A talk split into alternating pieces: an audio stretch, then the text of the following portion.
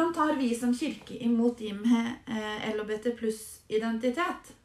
Eh, hvordan tar vi imot eh, ungdommer generelt, er jo et spørsmål som man kunne snakka lenge om.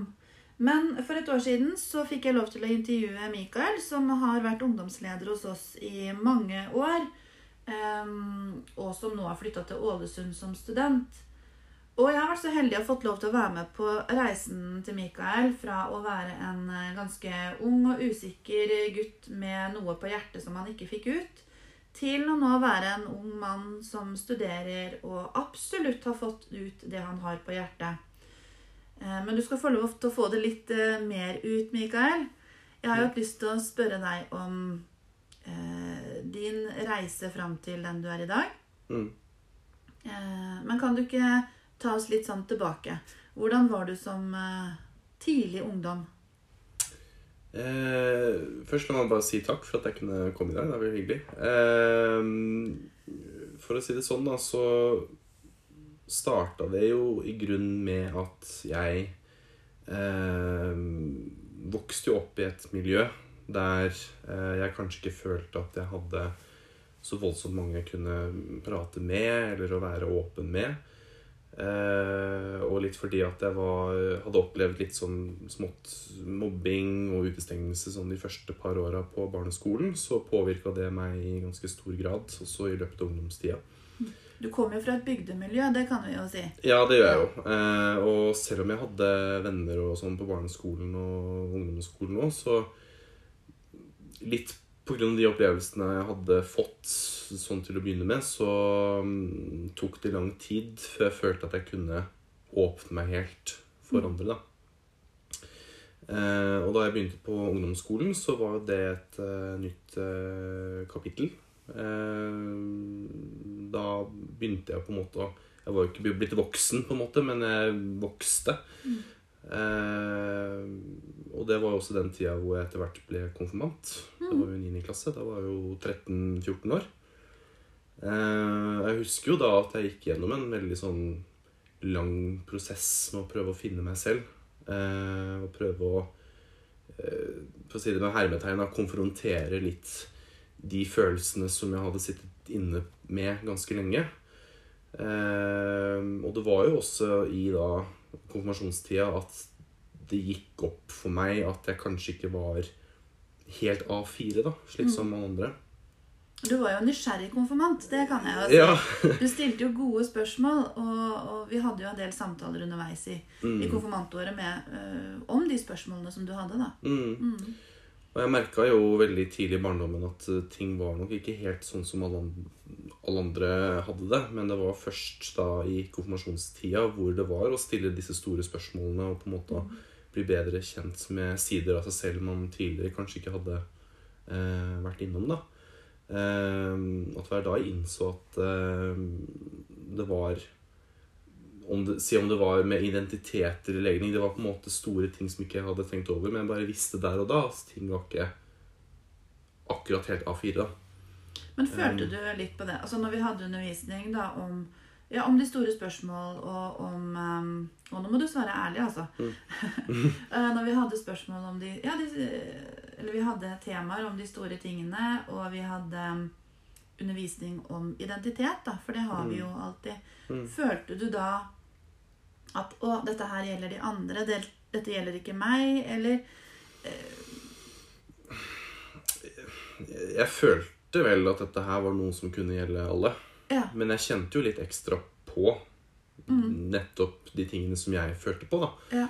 Eh, Jeg kjente jo det at eh, Altså, jeg kunne jo ikke si noe på vegne av de andre, for det vet jeg ikke hva de gikk gjennom. Men Nei, nei. jeg kunne bare på en måte si på vegne av meg sjøl at eh, Oi, her var det ting som jeg har tenkt på tidligere, men som jeg ikke trodde kanskje var så allment diskutert, eller hva skal jeg si, da.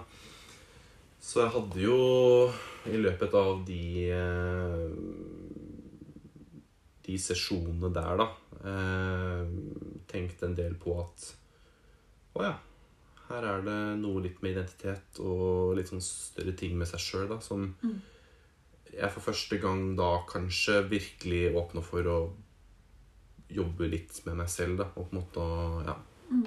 se litt ting fra et litt større perspektiv, da. Mm. Tenker at alle de tingene som man går gjennom i ungdommen, også kan eh, skje hos andre, selvfølgelig. Men eh, særlig der og da så tror jeg nok at jeg kjente mye på hva jeg følte selv. da. Mm. Ja. Men snakka du med noen om det da, eller var det prosesser som foregikk eh, i deg selv og i ditt eget hode? Det skjedde mye i mitt eget hode. Ja. det var noe som jeg veldig sjelden prata med noen om, egentlig. Eh, selvfølgelig, det var jo da de som jeg hadde aller mest tillit til, som jeg Mhm. hadde blitt bedre kjent med, og sånne ting, at jeg følte at jeg kunne eh, snakke om ting med. Mm. Eh, men selv da så var jeg nok ikke helt ærlig med dem. Fordi igjen, legning og sånne ting, det var ikke et så stort tema for meg da. Mm. Men istedenfor å fortelle akkurat hva jeg følte, Mm. som jeg hadde grubla på i løpet av noen år, så fortalte, fortalte jeg jo mye om prosessene bak de tingene jeg tenkte på. da. Altså Jeg reflekterte mye på spørsmålet, ikke så veldig mye på svarene som jeg hadde funnet selv. da. Mm. For du var jo da i, i løpet av det konfirmantåret ditt, da, det som vi Altså mange som jobber med konfirmanter og undervisning i kirka, Mm. omtaler som en tenker. Mm. Eh, de er ganske lette å identifisere, faktisk, i et og disse tenkerne. Eh, og du slo meg jo veldig fort som en tenker. Mm. Men du stilte jo eh, vanskelige spørsmål. Altså, altså, de spørsmålene du stilte, tyda på at du hadde kommet et ganske godt stykke på vei Mm. i dine tanker allerede. Mm. Ehm, men det tok jo litt tid da før du begynte å være helt ærlig med deg selv Mm. også. Mm. Hva skjedde da etter konfirmasjonstida? Da fortsatte du jo som leder for konfirmantene da, Mm. neste års kull. Mm. Um, og var fortsatt en del av det. Mm. Hvilke prosesser var det som foregikk i hodet ditt da? Jeg gikk jo fortsatt en del med mine egne tanker, for det var fortsatt mye som jeg måtte prøve å finne ut av. Og da var du 15-16? Da var jeg 15-16, ja. Så jeg brukte mye tid på det, men så åpna jeg på en måte eh, øynene mine litt for å observere litt hvordan andre også hadde det da. Mm -hmm. og særlig da i en rolle som ungdomsleder, så har man et type ansvar da for å kunne se de rundt deg og kunne fatte om det er noe som, det er noen som trenger å snakke med noen, eller, eller sånne ting.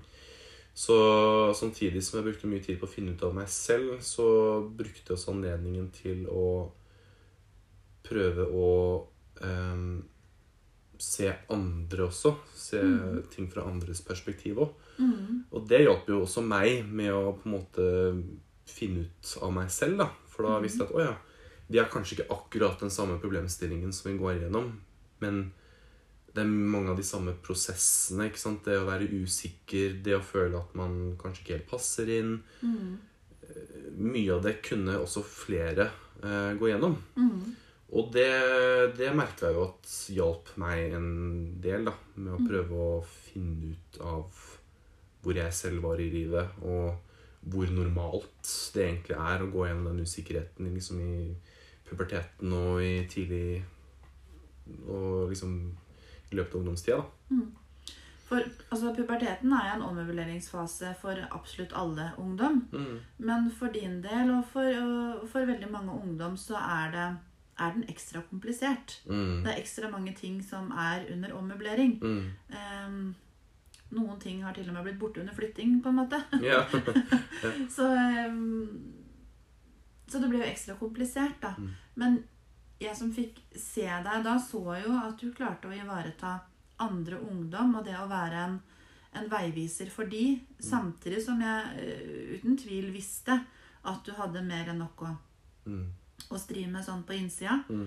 Um, og jeg hadde jo en veldig sterk mistanke om hva det var som foregikk inni hodet ditt. Altså hvilken, hvilke type identitetsproblemer du hadde. Mm.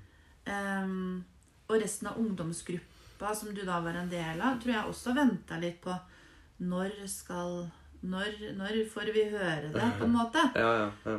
Um, men det virka det Altså, du tok den tida du trengte. Mm. Og, men merka du på en måte presset eller spørsmålene utenifra? For å si det sånn, da. Altså, fra etter at jeg var ferdig som konfirmant og videre mot videregående og sånne ting, så var det som en slags boble som begynte å vokse. For da var det sånn Etter hvert så var det ikke så mange spørsmålstegn, men det var heller at jeg hadde kommet fram til en sannhet som bare ble sterkere og sterkere med tiden. Og det var jo det at jeg da var homofil, ikke sant? Og det var på en måte det jeg fant ut eh, da i rundt 9.-10. klasse ish. Ja. Um, og etter hvert som tiden gikk, og denne bobla her begynte å vokse, så kan det jo hende at folk på utsida la merke til at ting liksom skjedde, eller at det var et eller annet som ikke var helt på stell, eller sånne ting, for at jeg drev og grubla så mye på mine ting. Og det var jo akkurat det som skjedde, at ting kom på stell. Ja, det gjorde, gjorde jo det, men fram til det punktet så var det jo en veldig lang prosess med å finne ut av hvordan skal jeg fortelle dette, hvordan skal jeg Altså, hva er det andre hadde syntes hvis jeg hadde sagt dette her? Hva ville familien min syntes? Hva ville vennene mine syntes? Hva ville menigheten tenkt? ikke sant? Det er jo eh, mye av de tingene som går gjennom. Og heldigvis, vil jeg si, så fikk jeg ikke så mange spørsmål. Jeg fikk ikke Nei. så mange sånne Fordi da tror jeg jeg hadde bare blitt mer stressa. For Ja. da hadde nesten så hadde blitt pressa ut av meg. Mm. Eh, Så det er jeg veldig glad for at ingen eh, direkte spurte om, Mm. på en måte. Med mindre de hadde sett at uh, her er det helt nødvendig å bare få det ut. Hvis ikke han klarer det sjøl, så må noen andre. Men det, men, det, men det var aldri helt uh, Det var aldri der.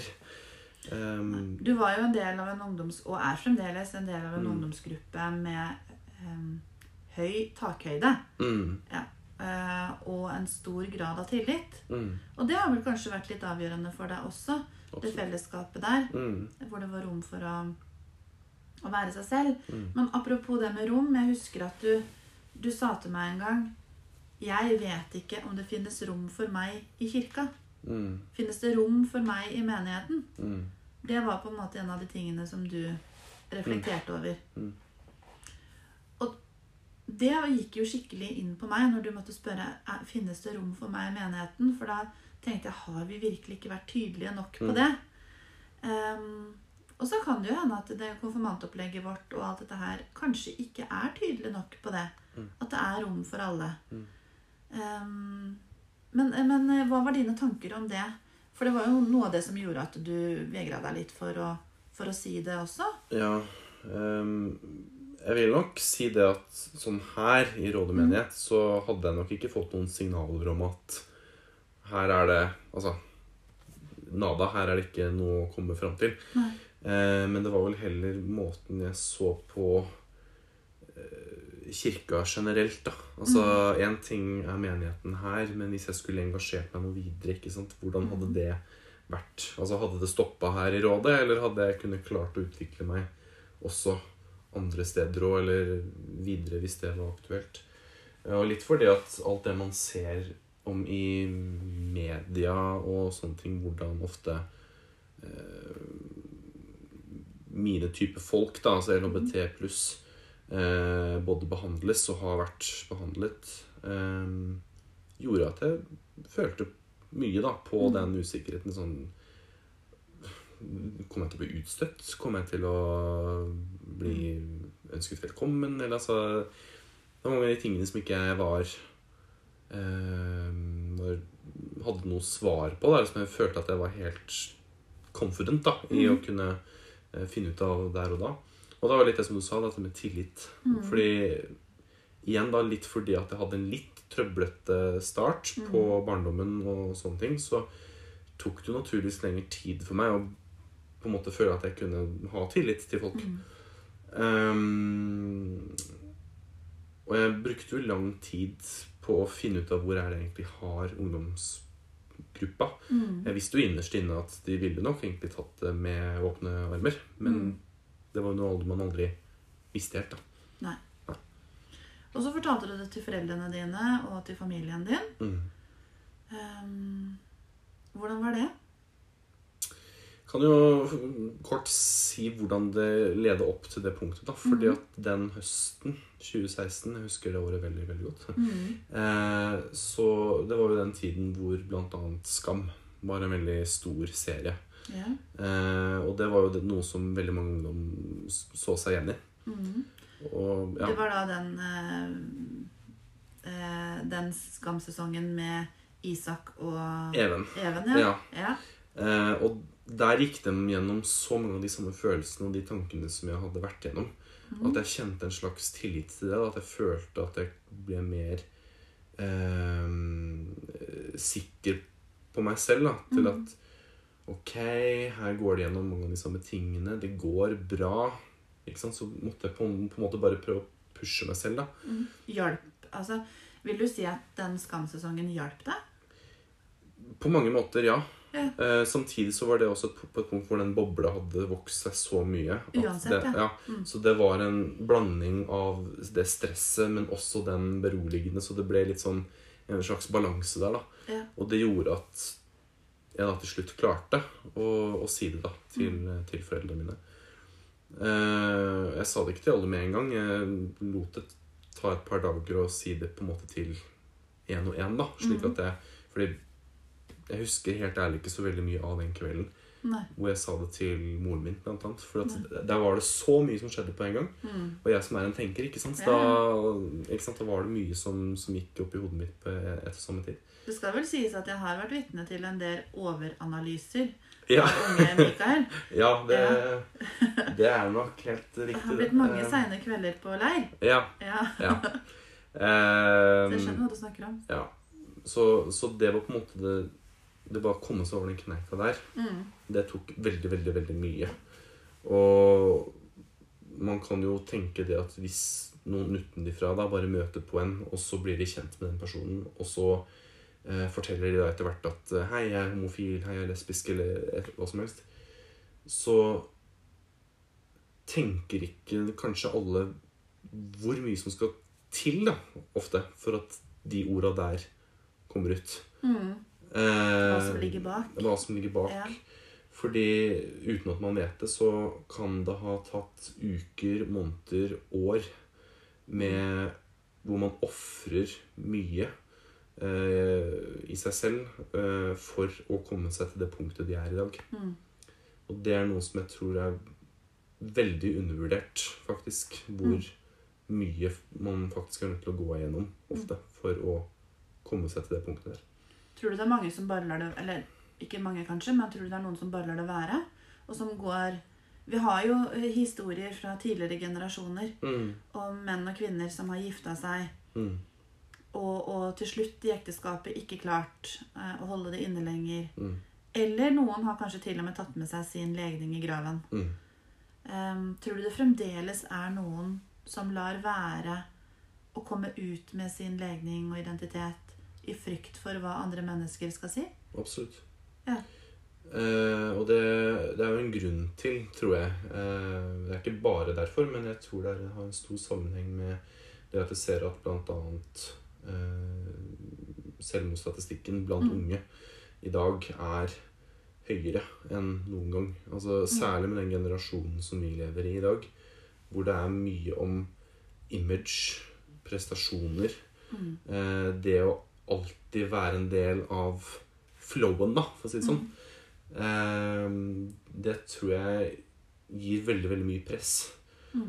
Eh, og så fort man da ikke er helt en del av den agendaen, da, for å si det sånn, hvor alle skal være så og så perfekte, og ting skal være så og så på stell, så fort det er noen som kanskje ikke føler at de har en arena de kan på en måte kjenne seg igjen i, eller at de har et nettverk de kan snakke med, så blir det fort at mange holder inne. Mm. Og vi ser jo personligheter, ikke bare i Norge, men også internasjonalt. Vi hadde jo bl.a. Bruce Jenner, for eksempel, som for Mm. noen år siden gikk ut som, som kvinne. Og da er, var han jo langt oppe i 60 60-åra, ikke sant. Mm. Og det hadde han jo fortalt at det hadde han Det hadde han på da eh, eh, tenkt på i mange, mange år. Mm. Før det da ble til hun, da. Ikke sant? Eh. Og hun ble mer eh, selvsikker Mm. med sin identitet. Ikke sant? Det er det mange som jeg tror opplever det samme i dag. Mm.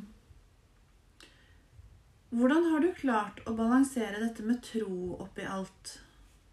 Eh, for Ja. du spurte jo en gang er det rom for meg i kirka. Mm. Eh, og så valgte du å flytte til et relativt konservativt bispedømme, men det kan vi jo ta mer om etterpå. Men Ja. eh, hvordan har du klart å For du har jo vært en aktiv del av ungdomsgruppa, og, og Mm. tro har jo også vært viktig for deg. Mm. Så har, hvilken rolle har troen spilt i Mm. denne prosessen du har vært gjennom? Jeg tror mye av det har med å gjøre at Nettopp fordi at jeg følte at jeg kanskje ikke hadde så veldig mange å gå til Mm. Eh, gjennom den oppveksten og den prosessen der, så fant jeg mye ro eh, i at eh, Altså fant på en måte litt det i den troen, da. At, eh, at eh, jeg kunne være meg selv, og at jeg Altså Gud elsker meg uansett. Mm. Eh, det var mange av de type tingene som jeg prøvde å berolige meg med da, i løpet av denne prosessen. er Å finne ro i at jeg, det at jeg er den jeg er, det er akkurat sånn som det skal være. Eh, selv om det kanskje ikke synes sånn på utsiden, så kjenner jeg jo det på innsiden. Mm. At ja vel, ok, hvis det er noen som skulle vært imot det Jeg må på en måte bare leve med det. Selvfølgelig jeg håper at så mange som mulig aksepterer meg Mm. for den jeg er. Men jeg, jeg måtte på en måte bare prøve å finne en slags eh, ro da, i det. Mm. Og tenke at eh, jeg er meg, og det er bra nok. Og da fant, fant jeg liksom mye av den roen da, i, eh, gjennom tro. Mm. Eh, alt det fra å søke opp eh, sitater fra Bibelen, eksempel, som kunne være relevant. Eh, For de finnes jo faktisk. det finnes, og Det det, det. og det har jeg brukt. Det er bra. Eh, og det har på en måte gitt meg sånne midlertidige svar der og da. da på At Mhm. ok, det som jeg går gjennom nå, det jeg tenker på nå Hvis jeg har en ond dag, da, Mm. så kan jeg finne et sitat da eh, fra, fra Bibelen. Eh, og tenke at ja, dette her var et godt Mm. svar på det som jeg føler på nå. Ikke sant. Mm. Og så har du jo eh, også det her med, med lystenning og disse eh, typ, Kall det ritualer, da. Mm. Det har jo også vært viktig for deg. Mm.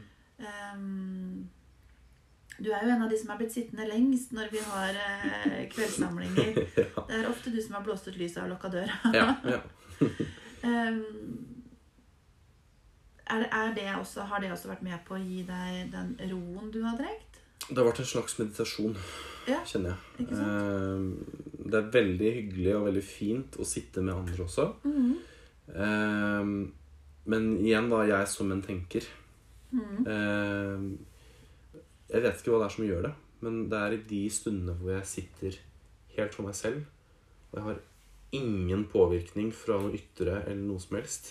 Jeg er der, der og da, og det er ingenting som på en måte kan stoppe meg fra å være akkurat der. Mm. Eh, og det å bare tenke, gruble, blir nesten litt sånn Sokrates ikke sant, oppi hodet Mm. mitt. Eh, prøve å finne en eh, Ikke en stemme, men altså en slags eh, mening bak det jeg tenker på. Prøve å rydde opp litt mm. og sånne ting. Det har Det har hjulpet meg veldig. Mm. Det har vært, gitt meg en sånn ro. Og så er det noen ganger hvor jeg har vært slik som alle andre, vært usikker, frustrert. Eh, lurt på hva er meninga bak alt det jeg går gjennom. Jeg finner ikke mening med dette her i det hele tatt. Og særlig da med uh, den legningen som jeg har, så er det noen ganger jeg tenker Ja, men hvis jeg er skapt på den Hvis jeg er skapt slik, hvorfor må jeg gjennom så mye, da? Hvis det er dette her Gud vil. Altså, det er så mange spørsmål som jeg kan ha sittet på, som jeg aldri har funnet svar på, som jeg sikkert ikke finner svar på heller. Men jeg prøver i hvert fall. Mm. Og så tar jeg takke til det som jeg kjenner at jeg klarer å fiske fram da, av eh, svar. Og, ja. De svarene som kommer til deg. Ja. Mm. Så hadde jo vi en prat eh, før du skulle flytte. Mm, For du flytta jo til Ålesund på et tidspunkt. mm, Ehm, og da prata vi mye om dette her med at eh, du kommer fra bygda da, og så flytte til en eh, større by. Mm. Eh, og, og du hadde kanskje et håp om at nå Mm. eh, skulle du ha rom til å kunne være deg selv Mm. fullt og helt. Mm. Eh, hvordan har den overgangen vært? Du har vært koronastudent, da, så det her utsvevende ja. studentlivet har du ikke fått kjent så mye på. Men Nei. hvordan har det vært å, å flytte? Og hvordan har du blitt tatt imot?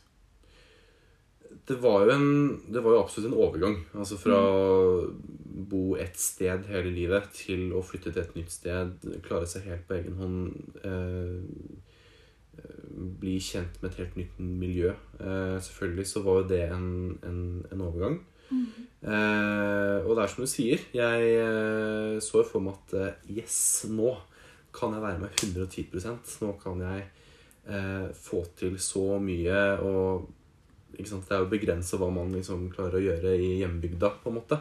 Jeg var litt sånn spent på det, husker jeg, når du sa det at nå, nå skal jeg være meg sjøl skikkelig. Så tenkte jeg Oi, jeg er litt spent på, på hva Ja. det er for noe, egentlig. For Ja. jeg så liksom ikke helt for meg at du plutselig skulle farge håret rosa, eller Altså, det var Ja, så jeg så litt for, eh, Jeg var sånn spent på Mm. hva 100 Mikael var.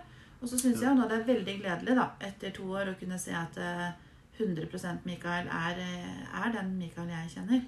Ja, det var det. Eh, kjenner, ja, men det er jo det at eh, jeg fant jo ut av ganske fort at eh, det var ikke så veldig mye forskjell, eller så mye, mye mer nytt som skjedde med meg på den legningssida, eller den helt, helt personlige biten, sånn sett.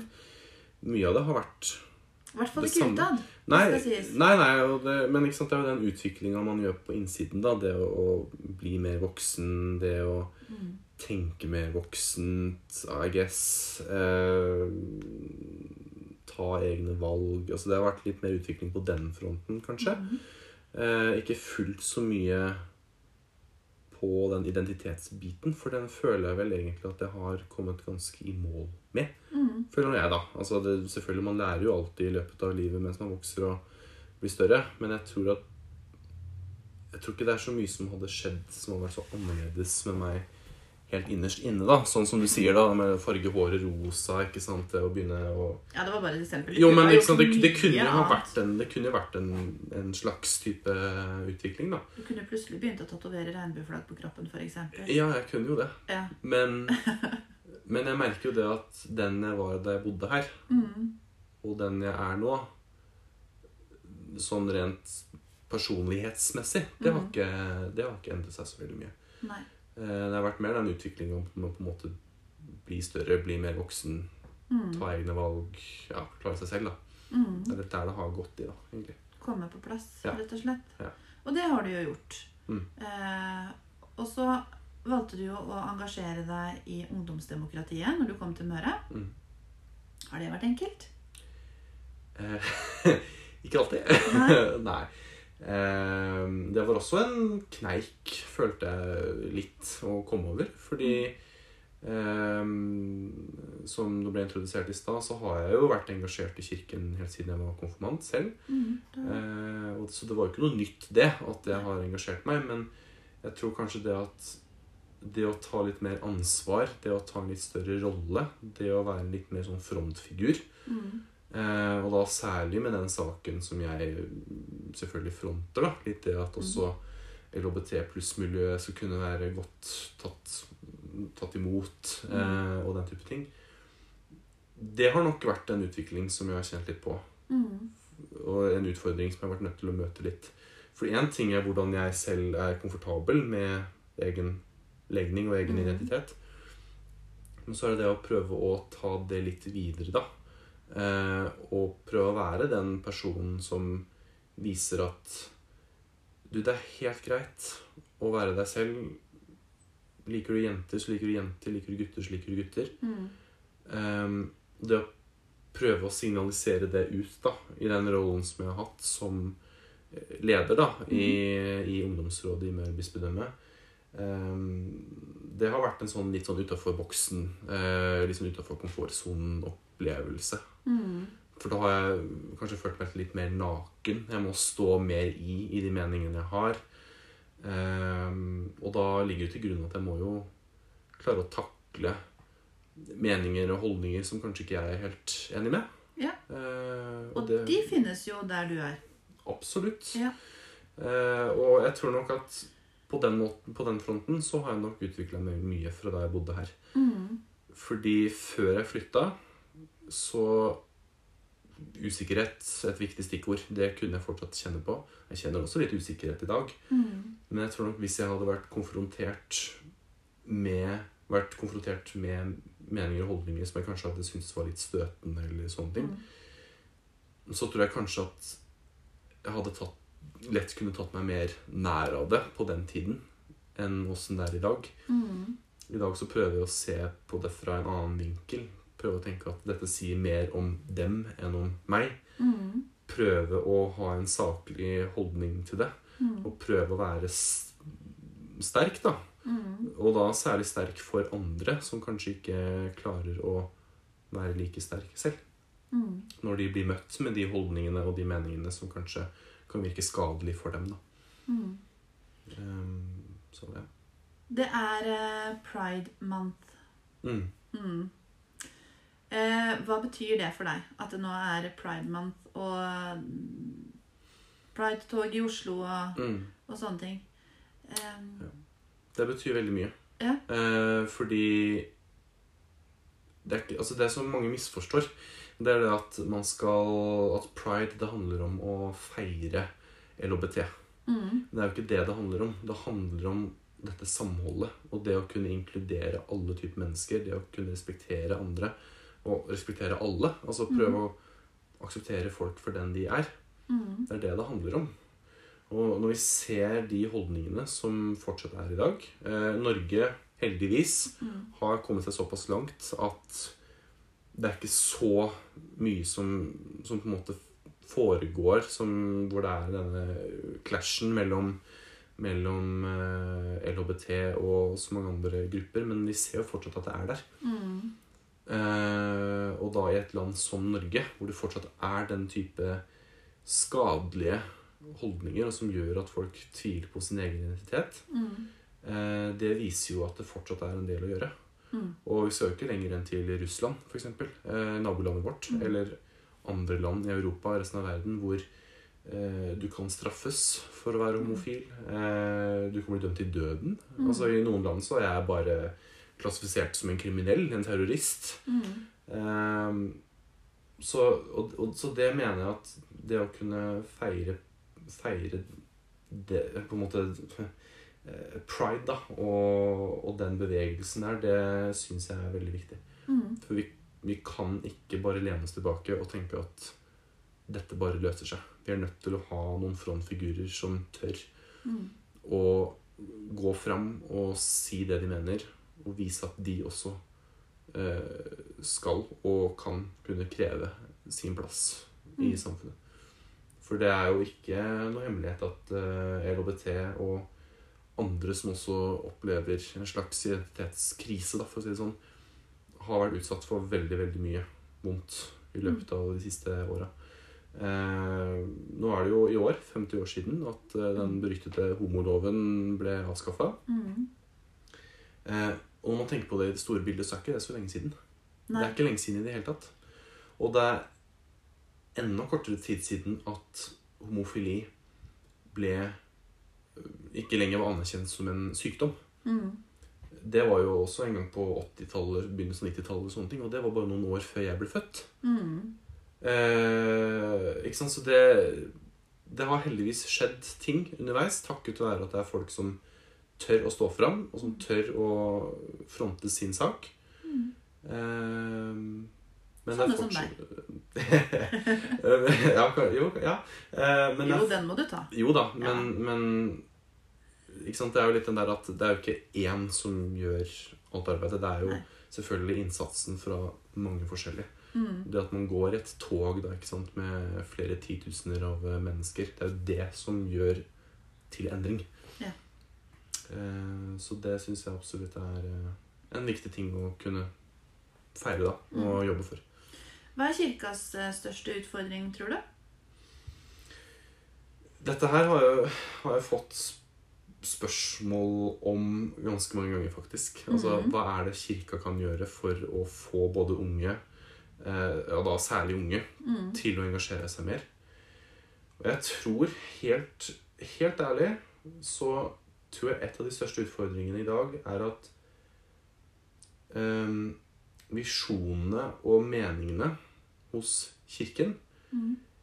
ikke samsvarer med de unges egne holdninger og meninger. Mm. Det er litt det der med at hvis du har lyst til å bli kjent med noen, så er det gjerne fordi at man deler samme type interesse eller deler samme holdninger. Det er en slags sånn magnet som, Mm. som går i lag. Men jeg tror at Kirken har en del å gjøre med å prøve å få eh, få dem på samme plan Mm. som ungdommene. Jeg føler at Kirken henger litt igjen. Ja. Ehm, og det er noen ganger, hvis, hvis jeg har vært virkelig frustrert, så har jeg noen ganger tenkt at eh, Ja, hvis jeg får et spørsmål da fra, fra en i en menighet eller sånn Ja, hva er det, vi, hva, hva, er, hva er det som skal til da for at ungdom skal bli mer engasjert? En av de større grunnene er nettopp de holdningene som vi ser, Mm. som er så skadelige for, eh, for enkelte grupper. At folk tør ikke å, å være seg selv, og da tør de heller ikke å være med i det, i det fellesskapet. Nei. Og da kan det ikke være fullt og helt seg selv. Nei, det er det. Nei. Hva er poenget med å være med i, et, et, eh, en menighet da, eller et samfunn, et fellesskap, der man på en side sier at ja, men vær den du er, og alt dette her, så, men så kan man ikke det allikevel. Det blir så paradoksalt, ikke sant? Mm. Det, det gir ikke mening. Vi har jo en barnesang, en kristen barnesang som er eh, ganske gammel.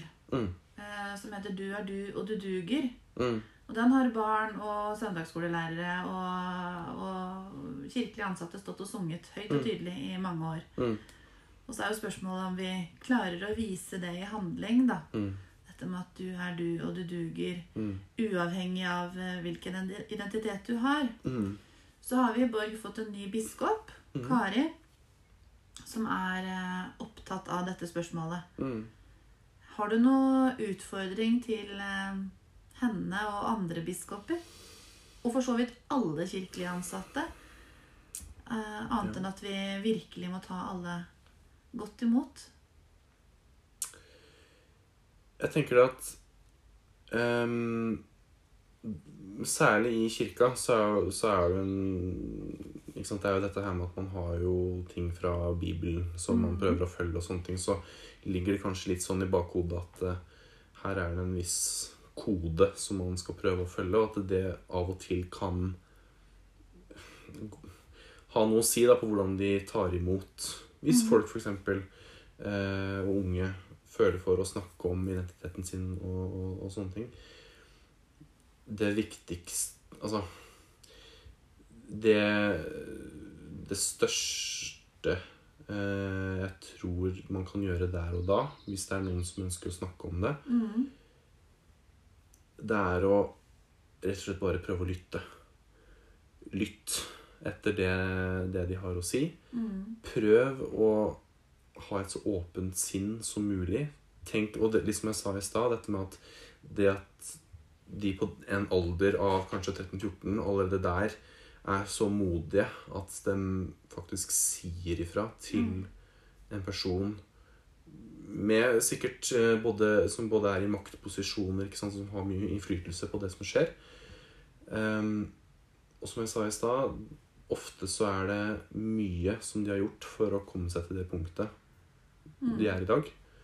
De har ofra mye, mye tårer, ikke minst. Eh, og de har sikkert brukt mye tid på å finne ut hvordan de skal gjøre det på best mulig måte. Snakke om det. Og det tror jeg man bør ha litt i bakhodet. At ikke bare avfeie det, Mm. men ok, kanskje man er Kan hende at noen er uenig, ikke sant? Men tenk, at, tenk på personen der og da. At de har vært gjennom mye. Mm. Bare lytt, og så prøv å være så åpensinna som overhodet mulig. Være litt ydmyk, rett og slett. Være litt ydmyk. Jeg har lært en ting av ordføreren i rådet. Mm. Det er jo en fyr, fyr du liker godt. Mm. Eh, og han eh, lærte meg en gang at eh, du vet, eh, Kristine, sa han at det er, en, det er en grunn til at Gud ut, utstyrte oss mennesker med to ører og én munn. Mm. Ja. ja. At vi skal lytte mer enn vi prater. Ja. Um, og det har jeg prøvd å ta med meg litt uh, inn i ungdomsarbeidet. Nettopp det å, Mm. å være en, Mm. en lyttende. Men da må vi jo også være forberedt på å ta imot det vi får høre, da. Mm. På en ok måte. Ja. Med litt ydmykhet.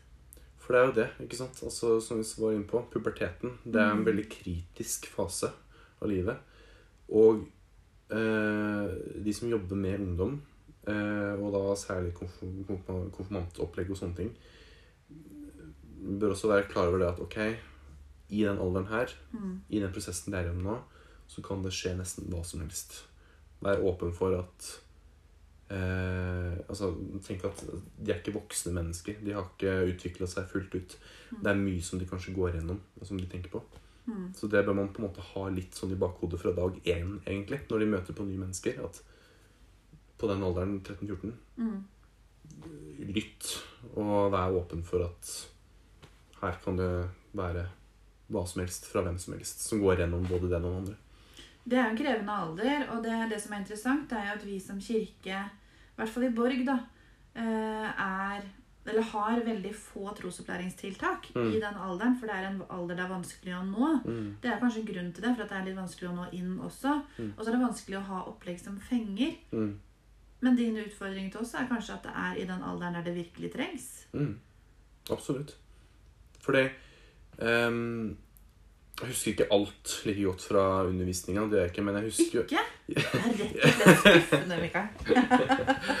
Nei, men altså, jeg tror nok at særlig med identitet og sånne ting, Ja. det er nok en ting som uansett eh, i alle mulige sammenhenger i undervisninga nok bør frontes mer, Ja. tror jeg. Fordi det er nettopp i den perioden der hvor de prøver å finne seg selv. Mm. De eh, skal konfirmeres, de skal etter hvert begynne på videregående etter et skoleår til. De skal begynne å finne ut av livene sine. Og, og før de skal begynne å finne ut av hva de har lyst til å gjøre i livet, så må de nesten finne ut av hva de er først. Føler jeg. Mm. Liksom. Fordi hvis, hvis du skal gjennom hele den prosessen og finne ut av hva du har lyst til å bli, hva du har lyst til å jobbe med, hva skal, din, hva, hva skal livet ditt være, så blir det veldig kronglete altså, hvis du skal prøve å finne ut av deg sjøl midt oppi det hele. Da, da er det bedre å finne ut av seg selv, og så kan man begynne å utvikle seg med jobb og utdanning og den type ting seinere. Det syns jeg det er riktig rekkefølge. Jeg kunne ikke vært mer enig. Og jeg tror jeg lar det være den siste refleksjonen. Du har gitt oss noen tydelige utfordringer eh, som vi er nødt til å ta med oss. Mm. Så tusen hjertelig takk for det. Bare hyggelig.